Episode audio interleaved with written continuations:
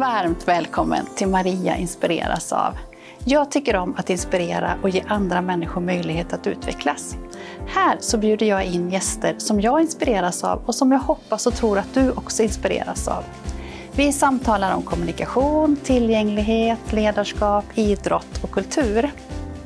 Tycker du om det här avsnittet och andra saker som jag gör så får du gärna dela, sprida, kommentera så fler får ta del av det. I det här avsnittet så har jag bjudit in Marie Olsson. Marie arbetar som lektor vid Mittuniversitetet i Östersund och som forskare vid Gymnastik och idrottshögskolan i Stockholm.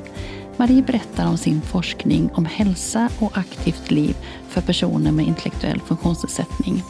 Hon berättar bland annat att personer i omgivningen är extremt viktiga som stöd, för påminnelse, för att motivera för att rörelse ska utföras. Du får även veta hur Para-I-klassen, som Marie var initiativtagare till, växte fram på världens största orienteringstävling O-ringen som genomfördes i Åre i somras. Ett samtal som utmynnar i veckans händelse för oss båda också. Känn dig så varmt välkommen att inspireras. Hej Marie och varmt välkommen hit. Tack så hemskt mycket Maria. Det är ju väldigt roligt att du är här. Nu är du ju inte här fysiskt på plats utan digitalt, men det känns väldigt kul att vi kan träffas på det här sättet. Ja, men det är en bra möjlighet när vi faktiskt inte är bredvid varandra, att det ändå är möjligt. Ja, precis.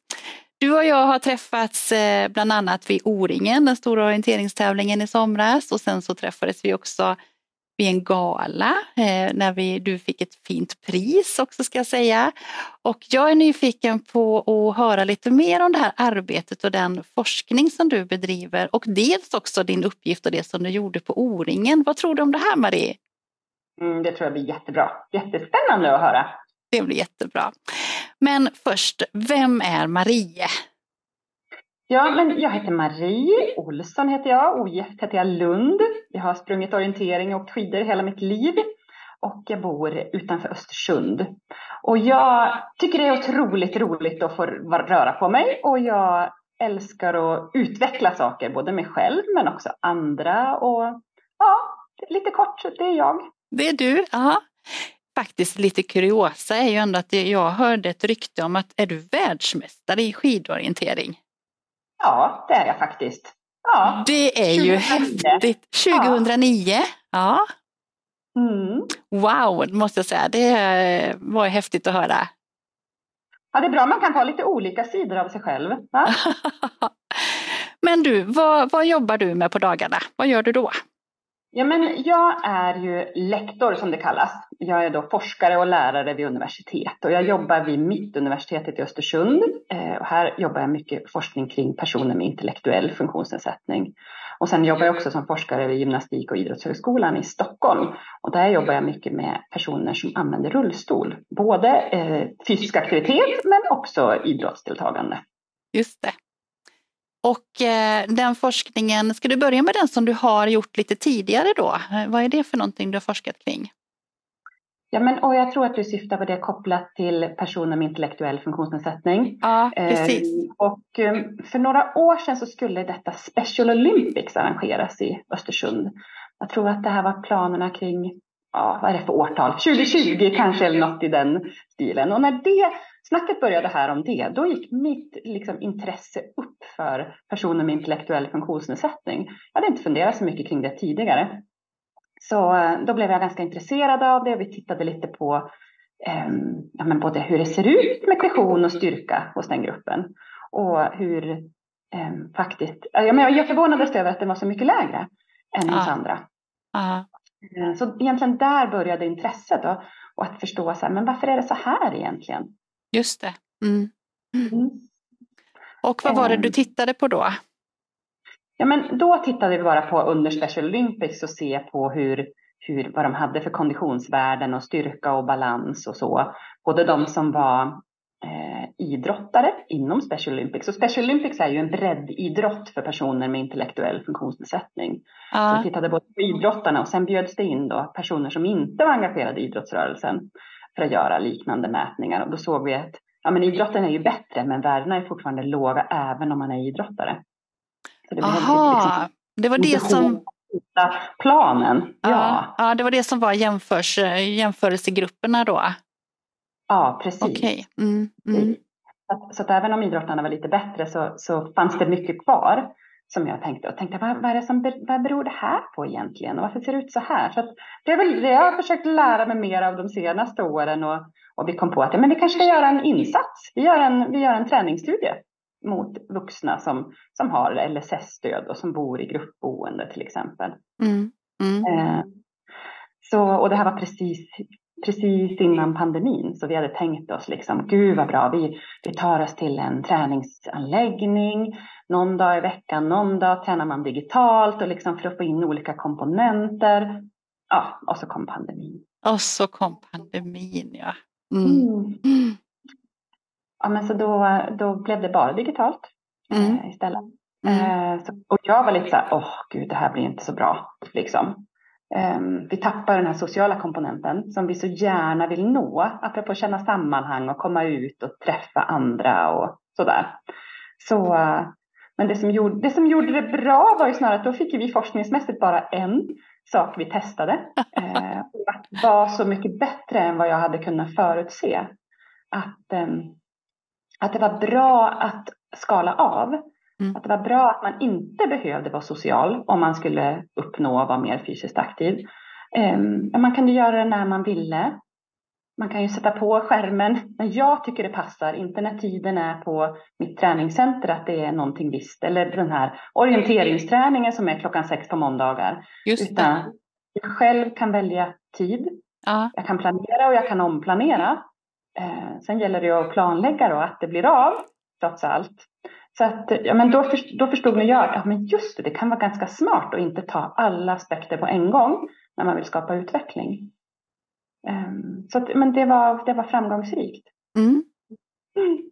Och det var såklart inte alla tyckte om det, men den större delen tyckte om det faktiskt. Mm. Man gjorde det, antingen gjorde man det själv eller så gjorde man det tillsammans i samlingsrummet med andra. Och personalen gjorde det tillsammans. Så ja, det fanns många fina aspekter av det. Just det, just det. Ja.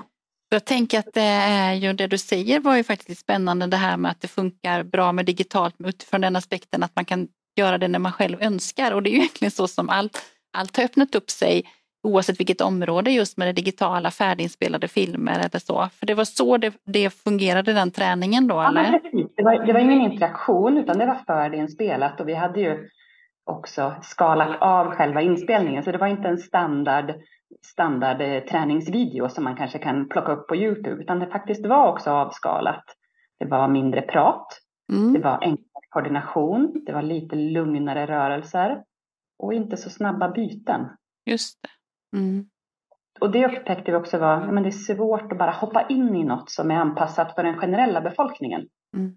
Och det blev också bättre. Ja, då sa du de effekterna som ni hade tänkt på då, det var mer avskalat liksom huvudtaget i själva, ja, dels fysiska rummet kanske, men, men också ja. vad, vad eh, själva övningen innebar. Mm, mm. Precis. Och den var repetitiv kan jag tänka mig också, att ni hade mm. det. Ja. Och så sa du någonting mer där som jag tänkte på. Eh, inte bara, ja, som jag sa, det fysiska, inte, li, inte lika snabba rörelser. Just det, just det. Ehm, mm, mm. Eh, inte mycket, lika mycket koordination mm. i det. Eh, och så sa jag också mindre prat. Ja, från precis. Mm. Instruera. Mm. Ja. Och jag tänker det som också är bra med en färdiginspelad film är att du kan trycka på stopp och, och, och, titta igen om man önskar det. För den upplever jag att många kanske inte riktigt hänger med. Även om vi tycker att det är lugnare tempo så är det faktiskt, att jag behöver se det kanske två, tre gånger till för att kunna hänga med i det. Och just den repetitiva delen, det, trodde jag också att det kommer bli så tråkigt. Nu ska de göra den här 50 minuter tre gånger i veckan i 12 veckor. Och jag tänkte att gud, man kommer bli uttråkad. Och såklart det fanns någon som blev det. Men den allra flesta tyckte att det var helt perfekt. I och med att det tar längre tid att vänja sig vid rörelser, till exempel som du säger då. Och jag vet att vi var tillbaka till ett gruppboende som efter ett och ett halvt år fortfarande körde tre gånger i veckan precis det här passet. Wow! Mm. Så ja, det är inte för tråkigt för alla. Apropå att tänka på, ja men jag är ganska repetitiv i min träning också. Jag trivs också med 45 minuters jogg på min standardrunda. Ja. Liksom. Mm. Och du är nog inte ensam om det Marie faktiskt. Apropå att förstå sig själv och ja, förstå andra. Precis. Ah, vad fint, den låter spännande. Men vad har du mer forskat kring då? Ja, men det vi pratar om nu är att jag börjar fundera det här kring eh, ja, men vuxna är ju en sak och när man kommer i ett, en situation när man behöver stöd. Eh, personalen är ju extremt viktig i att stötta upp, planera, påminna, motivera. Eh, rull, jag skulle vilja säga att de är som rullstolen till en person som är rullstolsanvändare. Ah. Att verkligen se det som det otroligt viktiga verktyget som behövs. Mm. Mm. Ehm, men också vad händer innan man kommer till vuxenlivet? Vad, vad sker redan i barn och ungdomsåren? Hur kan, vi, eh, hur kan vi se till att vi redan får goda vanor där? Också för personer med intellektuell funktionsnedsättning. För jag har en liten upplevelse att det är lätt att man, nu tittar vi på barn och unga. Just. Men att i skolan, det glömmer vi lite för att ja, men det är lite svårare och lite krångligare och så. Så att just nu är jag inne och tittar på aktivitetsnivåer i grundskolan och gymnasiet. Både i gymnasieskolan och i anpassade grundskola och gymnasiet. För att mm. se hur ser det faktiskt ut och hur kan vi, hur kan vi göra det avskalat och enkelt så vi når fram. Mm. Hur långt har du kommit där nu då? Var, var, var i processen är du någonstans? Eh, jag hade en student som gjorde en uppsats i våras. Jag, faktiskt, jag var på ett anpassat gymnasium nu på morgonen eh, och gjorde mätningar. Eh, så att vi håller fortfarande på att samla in. Men del, en delrapport i våras visar ju på att det är ju skillnader i aktivitetsnivåer. Ehm, men vi tittar också på en enkät som är som hälsosamtalet i skolan som, som skolan gör vanligt.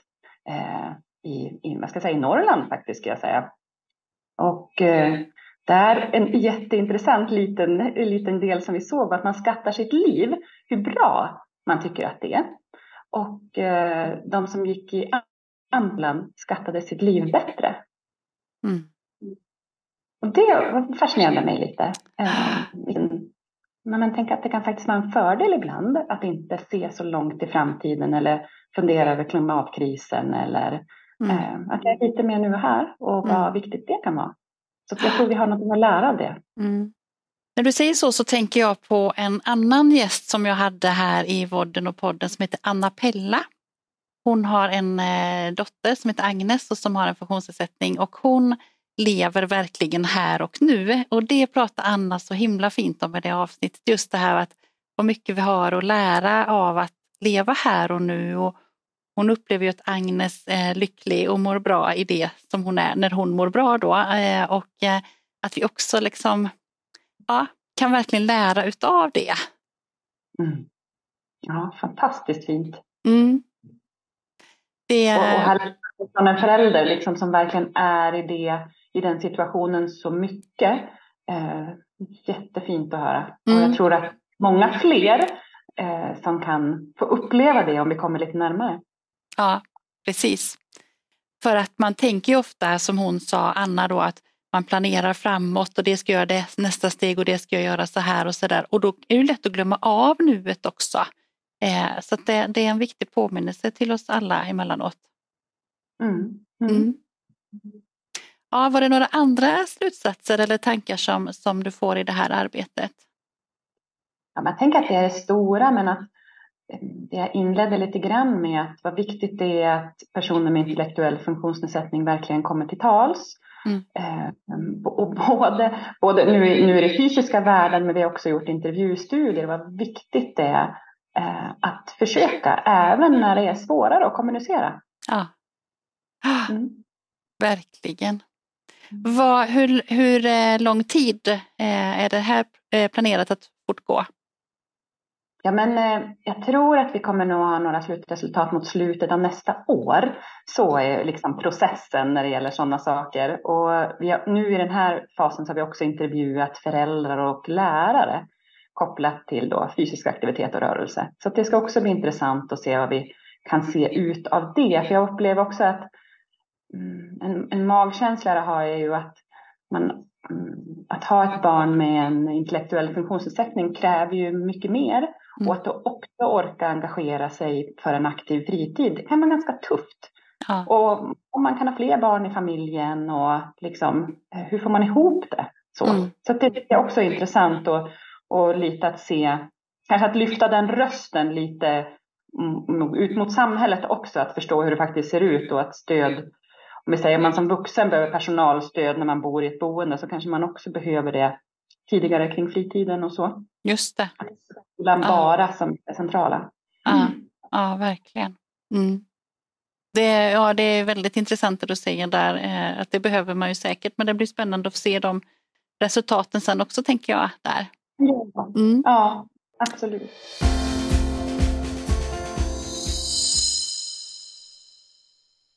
Hej och välkomna till Lidköpings kommuns nya dagliga verksamhet. Under hösten fick vi prova ett eh, tids och planeringshjälpmedel som heter Memo Planner. Eh, det fick vi testa via Testa Teknik inom Divos-projektet.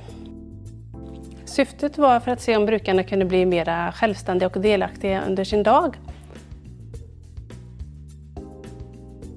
Eh, tidigare så hade vi eh, olika klockor i rummen och vi hade olika tidshjälpmedel och de ringde på olika tillfällen vilket skapade en oro hos brukarna att det inte var dags att sluta eller börja aktivitet. Nu larmar memoplanen och talar om när det är dags att påbörja eller avsluta en aktivitet. Eh, efter utvärderingen så bestämde vi oss för att köpa in två stycken memoplaner till verksamheten eh, då brukarna nu blir mer självständiga i sina dagar.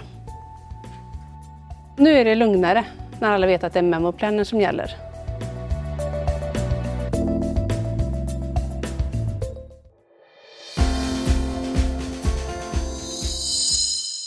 Ska vi glida in lite på det som eh, ditt andra projekt då kan man väl säga. Det som är på, ja, precis, det som är på din fritid skulle jag precis säga. Ja. Eh, kring, ja men berätta, vad var det som eh, gjorde och som också hände under O-ringen i somras? Vad var det som du hade drivit fram dit?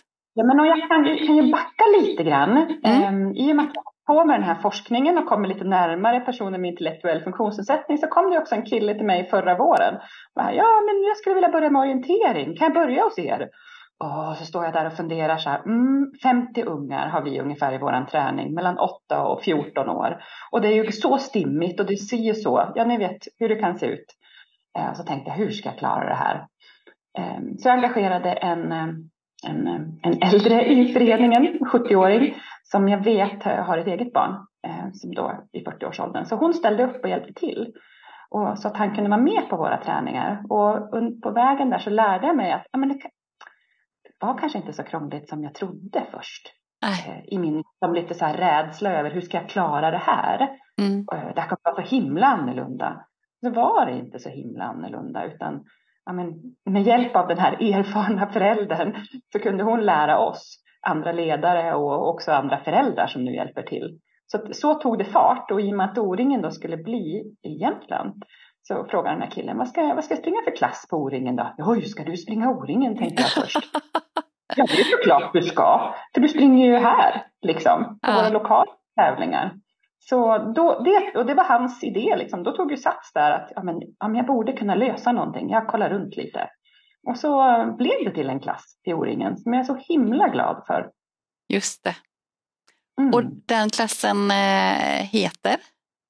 Den heter Para-I och med anspelning då på att det är parasport och det är för personer med intellektuell funktionsnedsättning. Mm.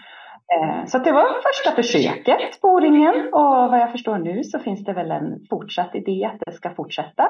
Och jag hoppas att fler också upptäcker, ja, upptäcker möjligheten eh, med att kunna, givetvis kunna orientera, men det finns ju också de som redan har orienterat jättelänge som har en intellektuell funktionsnedsättning men man får springa någon öppen bana och det finns inte riktigt någon klass specifikt för att tävla med likasinnade. Då.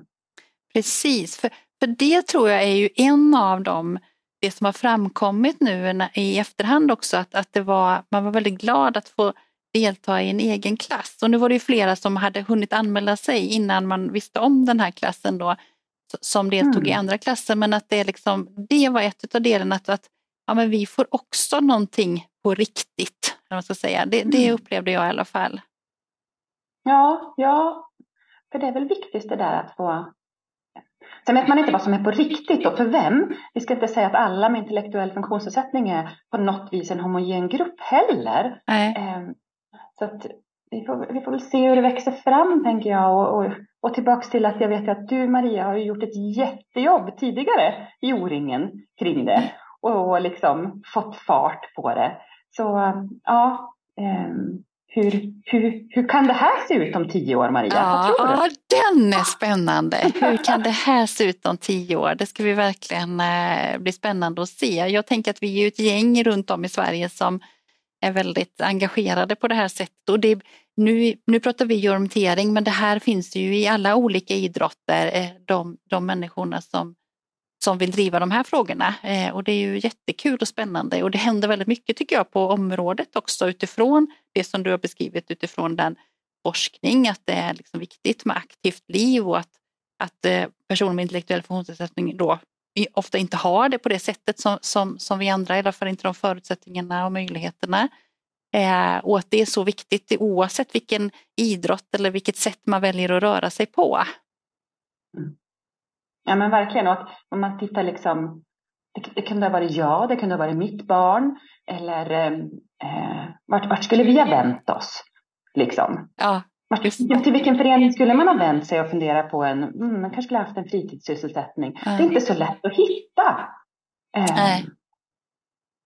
Sen tänker jag också, det, det som, som också blir bra tycker jag är, är det här med inkludering. Eh, för en sak är ju som du säger att man kanske inte väljer den klassen och det behöver man inte göra men, men man, man, kan välja någon klass och vara med och inkludering i att man får vara med på träningar, man får vara med på en tävling utifrån sina villkor för alla vi andra väljer ju också klass utifrån våra villkor. Det kan man ju ändå säga att orientering är väldigt bra på eh, att, mm. att, ha den möjligheten att göra det. Eh, och, och då vill jag, om jag vill vara med och tävla och delta i den klassen så, så kan jag göra det nu för den, den har ju inte ens funnits innan.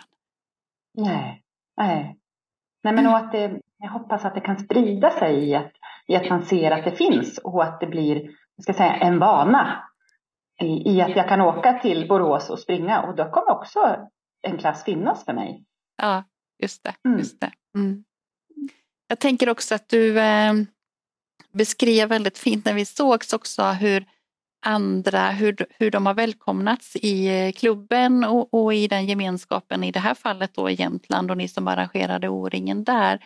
Vad tänker du om det med funktionärer och bemötande och så?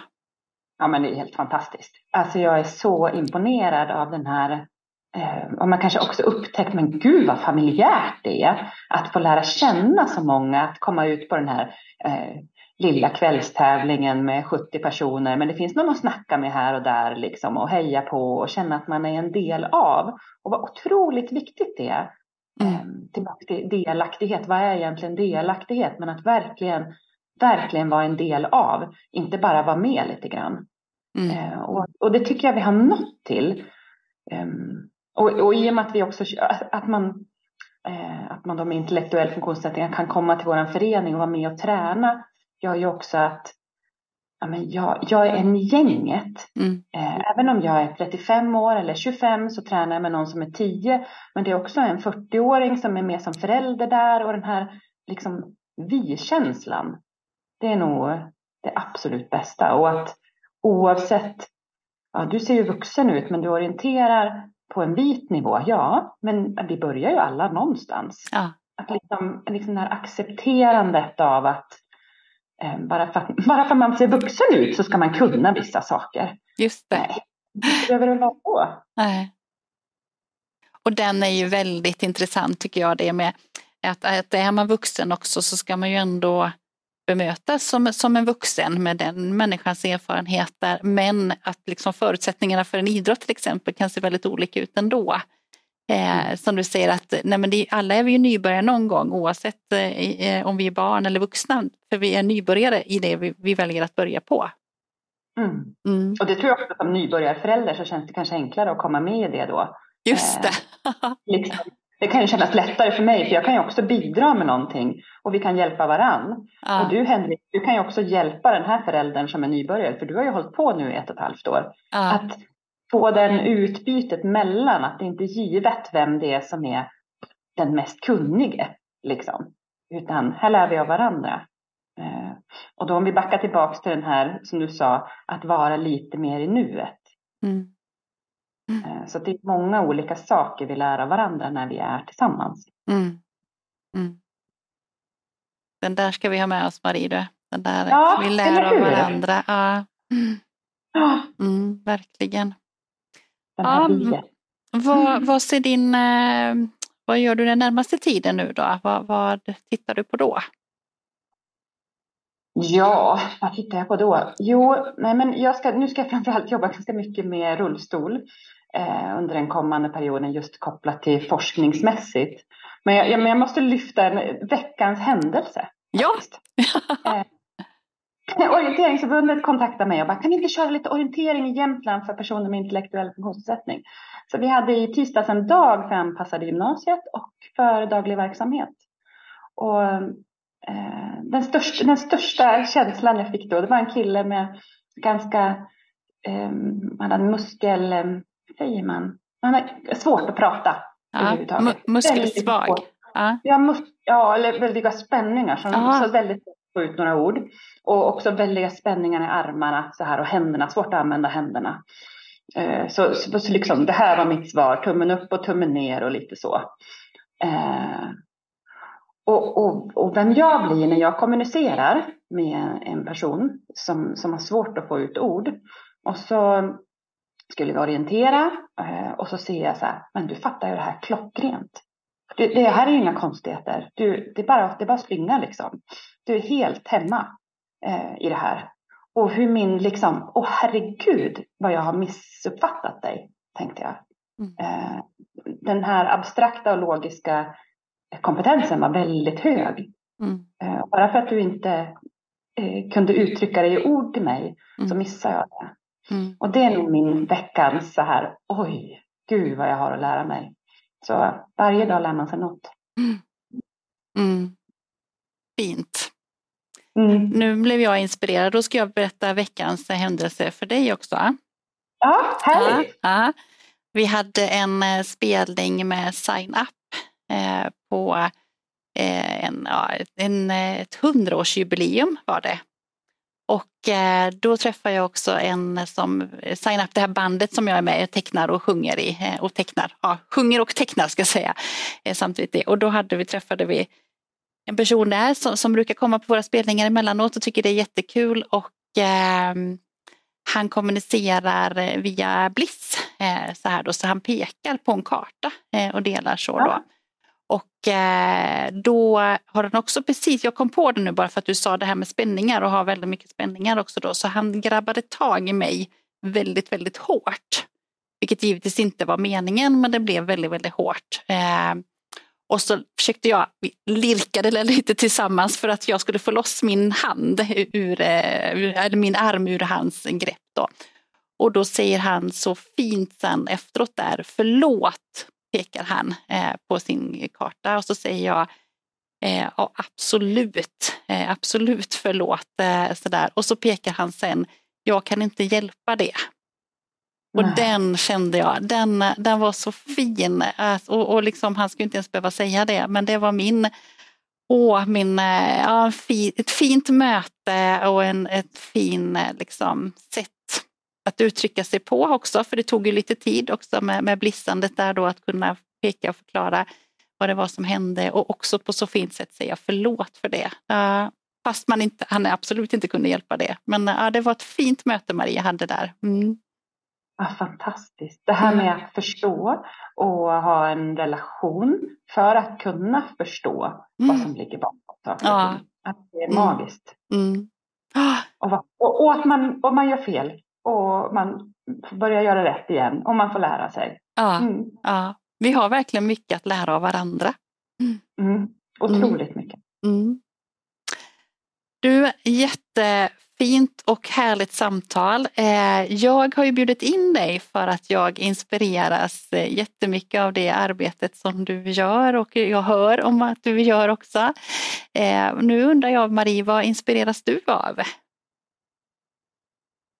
Ja, det är mycket. Um, måste jag få tänka lite här? Mm. Nej, men jag, jag inspireras nog av människor som brinner för uh, och, och gör det de brinner för. Vad fantastiskt det är att få lära av sådana personer. Mm. Och det kan man göra på enormt många olika sätt utifrån det vi har pratat om nu. Um, nu. Ja, det är fantastiskt. Mm, härligt. Eh, om man vill komma i kontakt med dig, för nu har du ju egentligen bara teasat lite grann eh, av din forskning och det som du jobbar med. Om man vill komma i kontakt med dig, var, var hittar man dig då? Ja, men man hittar nog mig lättast på Mittuniversitetets hemsida och Marie Olsson, Marie Olsson med H. Det är nog det enklaste sättet. Där hittar man mina kontaktuppgifter. Mittuniversitetets hemsida sa du? Ja, precis. Ja.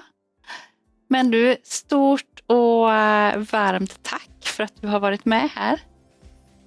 Fantastiskt roligt att få vara med. Tack så hemskt mycket. Tack. Tackar så mycket. Vilket fint samtal med Marie och lite oväntat det blev att prata om att leva här och nu och vilken veckans händelse vi båda haft som gav oss insikter. Utöver forskningen som är så intressant så tycker jag också att det är upplyftande när Marie pratar om den vi-känsla som har skapats när alla får vara med på träningen i föreningen till exempel. Nästa vecka så kommer ett nytt avsnitt på ett helt annat sätt än vanligt. Det ska bli så spännande att se om mina planer fungerar. Om du vill veta när det publiceras så får du gärna prenumerera på mina kanaler och jag blir glad om du hjälper till att sprida det här avsnittet också så att fler kan få ta del av Maries samtal. Ha en fin vecka så ses vi snart igen.